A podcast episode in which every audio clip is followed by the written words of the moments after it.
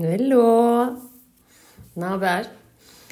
Ee, bu hafta yine bu hafta ne öğrendim? Hoş geldiniz basitçe. Cuma gününden soru kutucuğu bırakmıştım Instagram'da.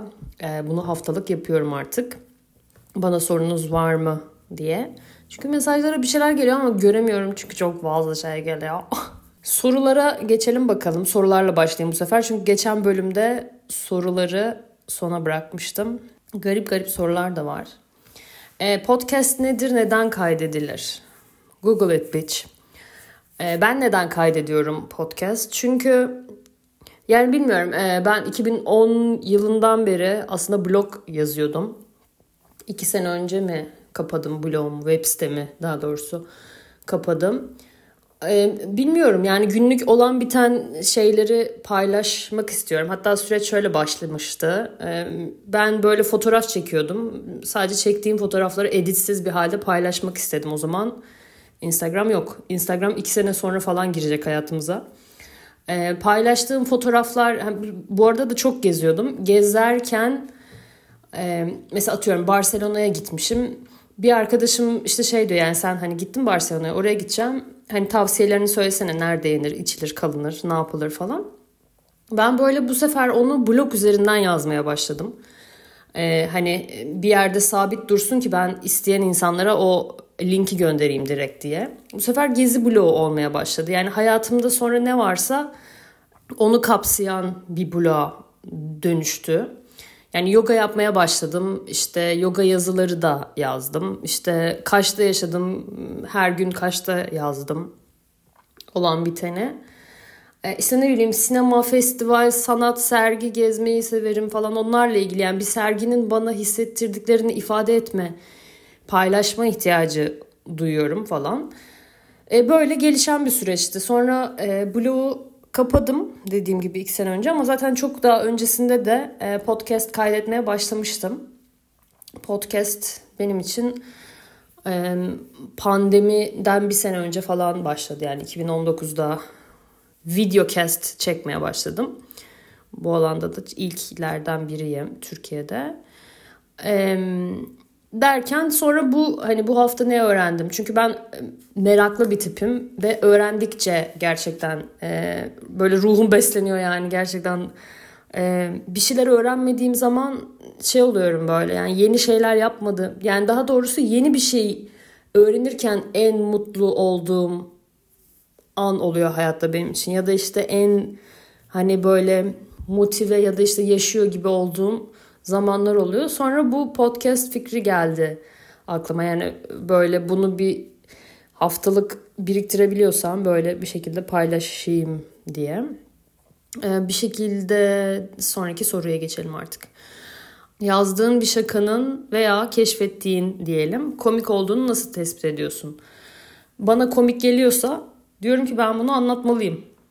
Yani bana e, uyumsuz gelen, e, tutarsız gelen, saçma gelen, sinirimi bozan şeyleri e, şaka olarak anlatmalıyım diyorum. Ya da hani olduğu haliyle komik diyelim ki bir şey.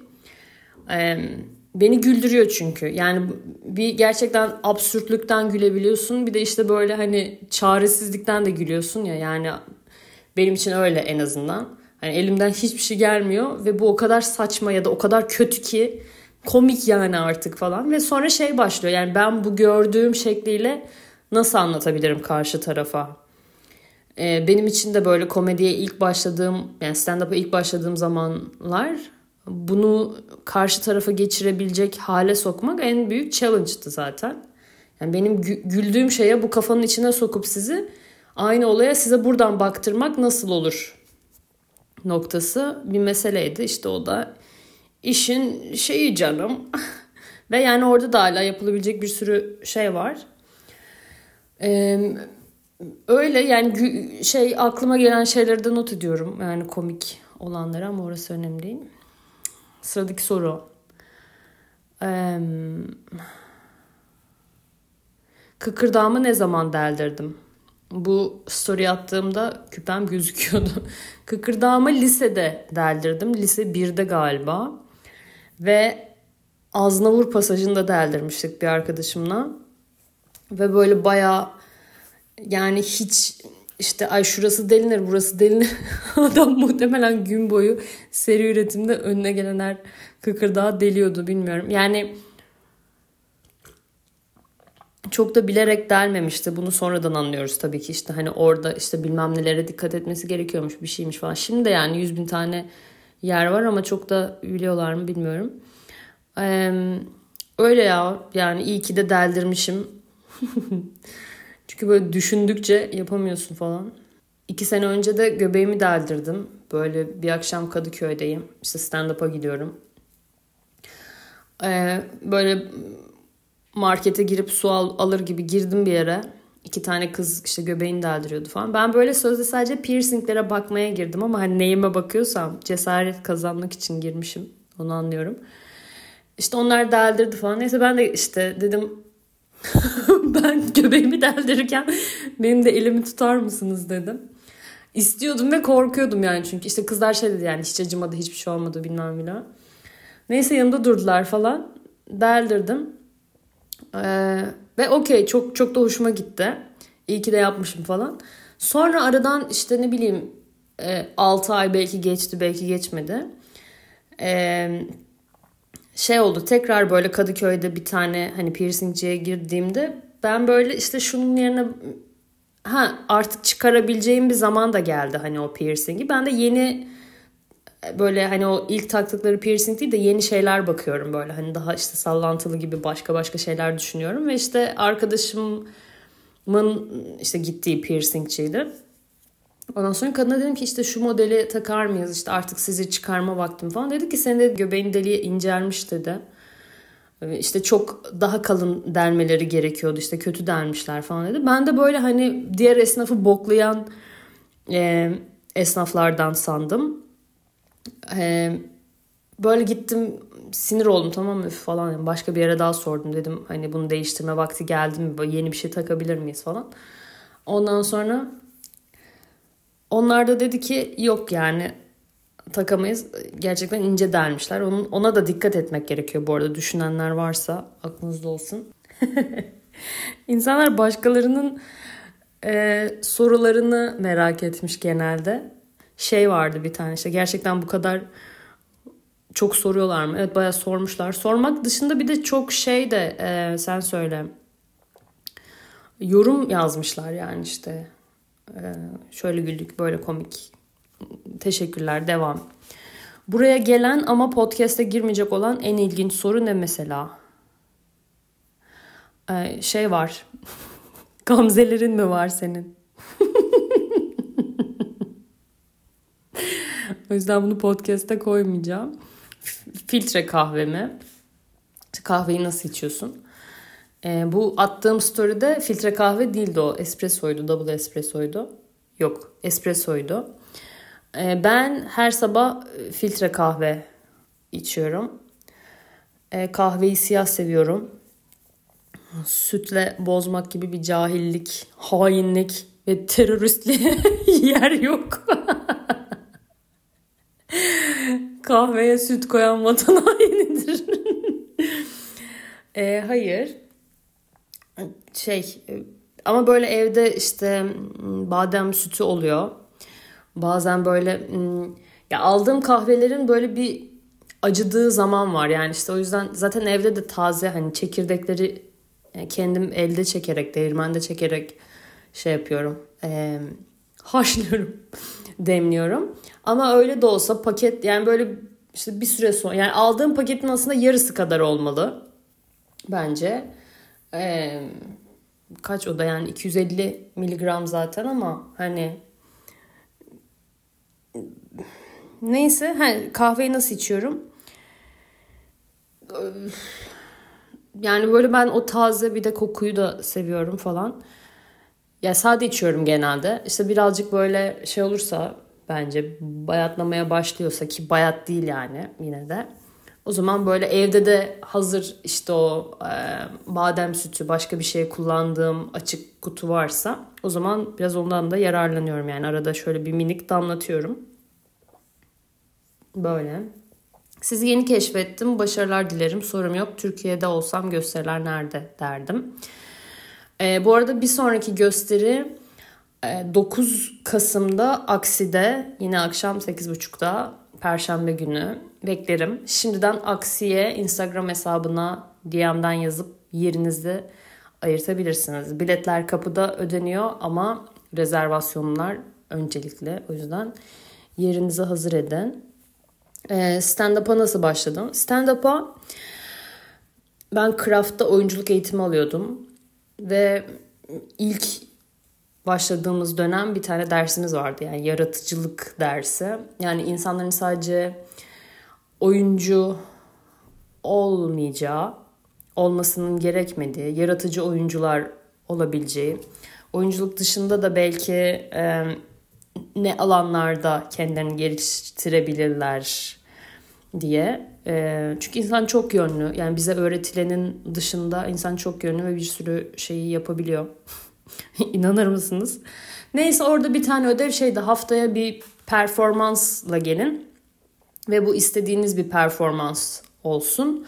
Hani işte insanlar şey hazırladı ya işte isteyen şarkı söylesin, isteyen şiir okusun. Hani normalde biz böyle tirat hazırlıyoruz. Bir işte bir sayfalık bir metni ezberleyip gidip onu tek başımıza oynuyoruz. Ee, dans eden, gitar çalan, şarkı söyleyen falan böyle işte.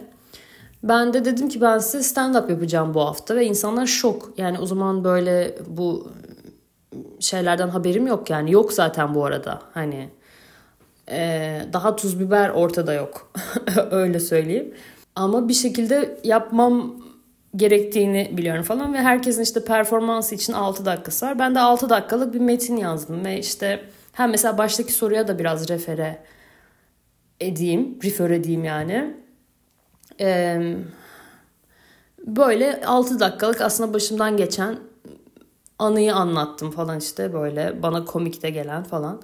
Yani işte böyle Türkler sırada geliyor götüne yapışıyor bekliyor işte havaalanında olan saçma sapan bir şeyler anlattım falan.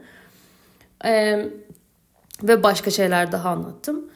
Ve böyle hani reaksiyon da aldım ve zaten insanlar şok da oldu. Hani stand up yani nereden geldi senin aklına ayol diye. Neyse bu böyle 2018'in işte Ekim falan civarı öyle bir şey. Böyle başladı. Yani sonra açık mikrofonları keşfettim. Aa yani gerçekten yapılıyormuş ve insanlar hani bu adımlardan geçerek ve her hafta gittim yani işte tiyatro vardı ve tiyatroda proje yapıyordum. İşte onun dışında da oyunculuk işleriyle de uğraşıyordum falan. Onlar devam ederken bir yandan her hafta işte açık mikrofona gidiyorum falan. Sonra zaten başka sahnede gösterilere çıkmaya başladım. Ve öyle başladı. Sıradaki soru. Sorum yok nasılsınız? İyiyim. Ee, özellikle böyle gösteriden sonra sanırım yani 10 gündür falan biraz tembeldim. Tembel derken e, yani işte şu an yoga yapmıyorum, spor yapmıyorum, yürüyüş yapmıyorum, işte kötü besleniyorum e, falan. Garip bir şekilde evim çok toplu. e, kafamda yapmak istediğim şeyler var. Onun öncesinde böyle hani o işi yapmamak için uzatmalar işte oturup çalışacağın, yazacağın bir şey vardır. Sen böyle gidip yani evi toplarsın ev o yüzden toplu. ee, falan ama neyse dün bir yürüyüşe çıktım gerçekten. Ee, yürüyüşte şeye döndü. Bu arada yürüyüşün ortasında e, oturdum ve kahvaltı ettim. Zaten şey iddiam yoktu yani hani tempolu yürüyeceğim ve işte pace tutacağım falan. Ve sonra böyle İstanbul'daki binaları göre göre şanslıyım o açıdan. Güzel bir yerde oturuyorum. Binalara baka baka falan e, geldim. En azından o işte bir endorfin, serotonin tatlı oldu yani. E, iyiyim yani şu ara. Çok şükür iyiyim. E, kafamı bir şeylere hazırlıyorum. Sürpriz. Böyle bölüme geçeyim. Teşekkürler sorular için. Yani cevaplanabilecek sorular bunlar diye düşünüyorum. Ee, Sevdiğin kahveci öner. Sevdiğim kafeler ya benim de değişiyor bu arada zaman zaman. Çünkü aynı standardı tutturan bir tek Starbucks var bildiğim yani. Dünyanın neresine gidersen git aynı standartta kahve içtiğin ya da işte her zaman aynı olan. Onun dışında e, Türkiye'de yok. E, iki bölüm önce falan da bahsetmiştim. Artık müdavim olmayı da sevmiyorum yani anonim olmayı seviyorum. Zaten bu arada paylaşmıyorum da sık gittiğim yerleri. E, benim çok uzun zaman vaktim şöyle geçti. İşte bir kafeye git hani işte kahve iç, oku, yaz. Çoğunlukla blogda hep böyle dışarıda kahvede yazardım blog yazmayı. E, çoğu, çoğu hep öyle yazdım yani işte öyküler yazdım hep falan hep kafelerde bir yerlerde. Ama e, şimdi oturduğum yere taşındığımda bir kafe semti artık böyle evde olmak daha keyifli olmaya başladı. E, dışarı tabii ki çok fazla çıkıyorum ama e, ya maalesef şu an önereceğim yer yok. Hani oturup yani çünkü aklımda yok. Bir de kendi çok gittiğim yerleri artık paylaşmıyorum. Konum paylaşmıyorum. Fark ettiyseniz bilmiyorum. Çünkü yani e, artık sürpriz yaşamak istemiyorum falan filan. Bölüme geçiyorum. Bu hafta neler öğrendim? Ee, yüz konuşuruz grubunun e, solisti ve e, diğer müzisyenlerden birinin şiddet faili olduğunu öğrendim. E, asıl bir ifşa ile başladı ve e, bunu niye not yazmışım böyle karanlık bir podcast'e doğru gidiyoruz ama gerçek bunlar neyse. Dolayısıyla sadece o müzisyenin değil işte daha önce e, Kaan Boşnağ'ın da şiddet faili olduğunu, eşini darp ettiğini vesaire öğrendim ve e, böyle Çiğdem Mater'in paylaştığı bir yazıyı kurgulamışlar ve Kutsal Motor kanalında paylaştılar. Ee, sinemada hapishane diye. Hapishanelerin ve şartların öyle göründüğü gibi olmadığını öğrendim. Kutsal Motor'da izleyin mutlaka.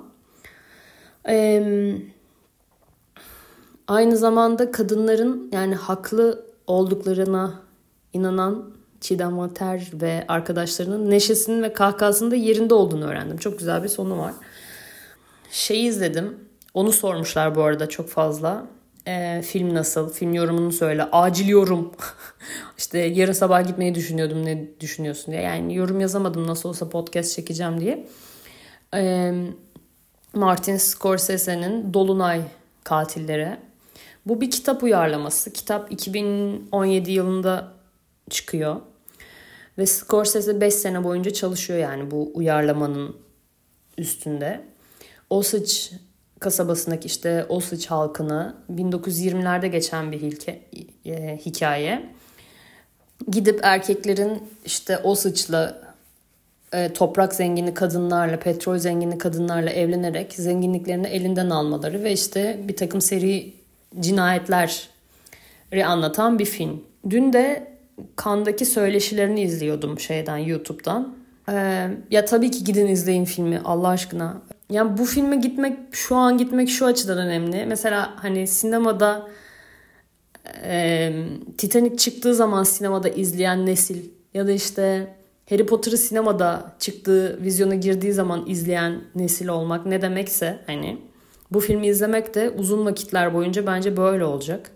Güzel bir deneyim o açıdan uyar kitapta ki gidişattan farklı bir şekilde anlatıyor. Mesela Leonardo DiCaprio'nun oynadığı karakter aslında en küçük rolü olan, kitapta en küçük anlatıya sahip olan bir karakterken olay oradan çözülür. Hani en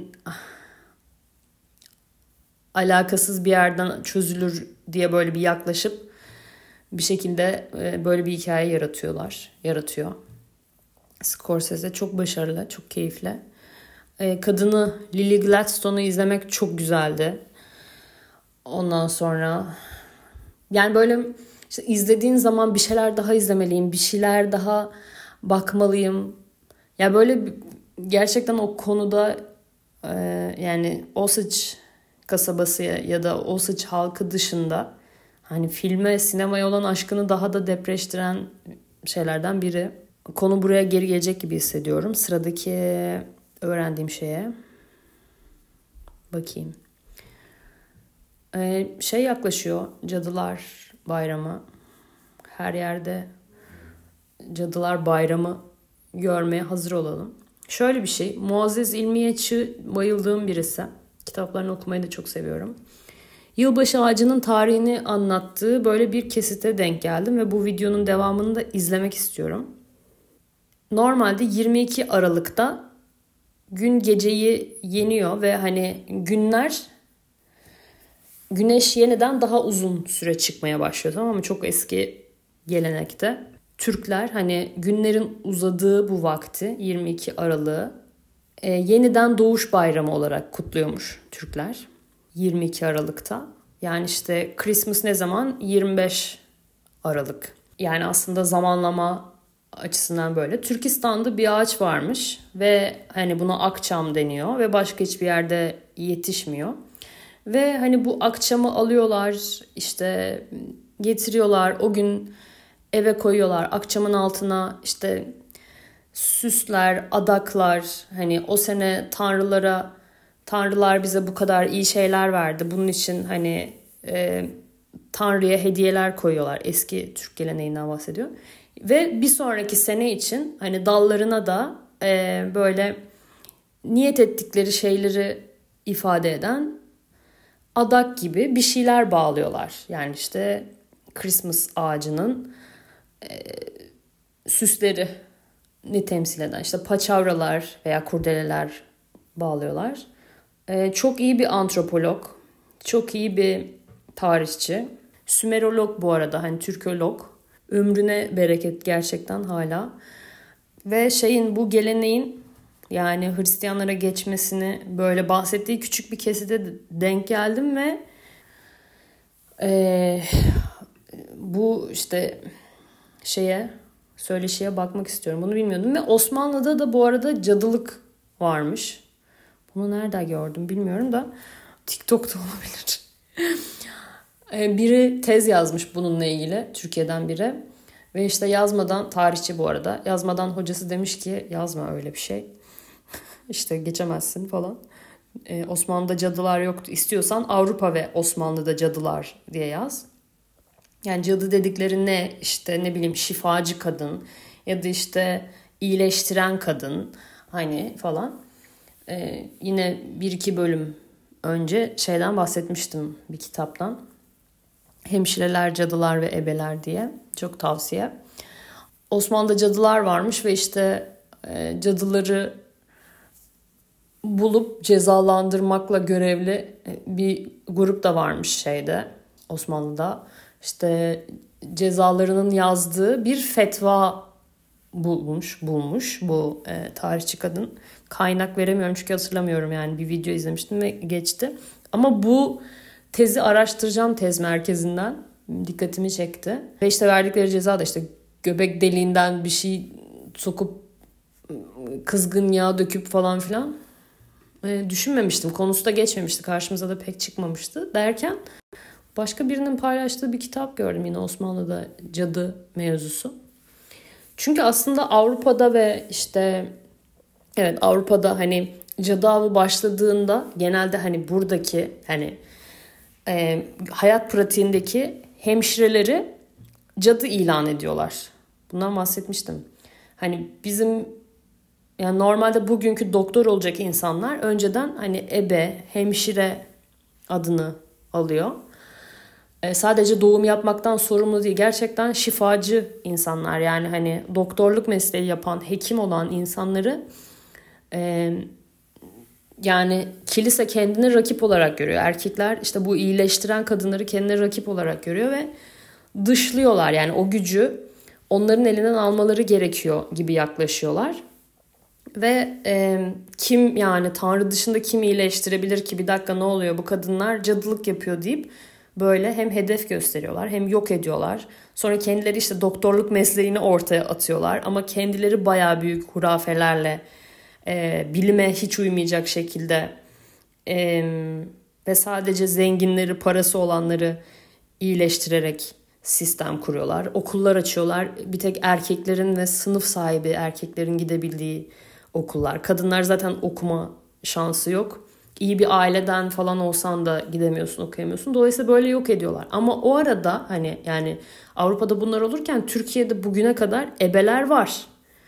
Ve yani hani e, Osmanlı'da ebe kültürü iptal olmuyor yani. Hani zaten dinden dolayı işte kadınlara bir erkek doktor bakmasını zaten istemiyorlar. Dolayısıyla kadın birinin olması ve işte doğum işleriyle onun ilgilenmesi daha münasip oluyor. Bu sayede ilerliyor. Ama mesela ebeleri cadı ilan etmiyor. Cadıyı neye atıyorlar? Farkı anlatabildim mi? Bence anlattım. Bunu merak ediyorum nasıl bir tez yazmış. E, böyle benim öğrendiğim şeyler bu hafta. E, haftaya yine yeni sorular ve yeni öğrendiğim şeylerle birlikte olacağız. Bu arada kendinize iyi bakın diyebilirim. Umarım güzel bir hafta olur ve bunu nerede dinlediyseniz buralara kadar dinleyip geldiyseniz keyifli ve faydalı buluyorsanız lütfen e, paylaşın. Ve e, Spotify'dan takibe alırsanız yeni bölüm yüklediğimde ki bazen ne zaman yükleyeceğim belli olamayabiliyor. Haberiniz olur. Size bir miniş bildirim gelebilir. Böyle görüşürüz. Bye.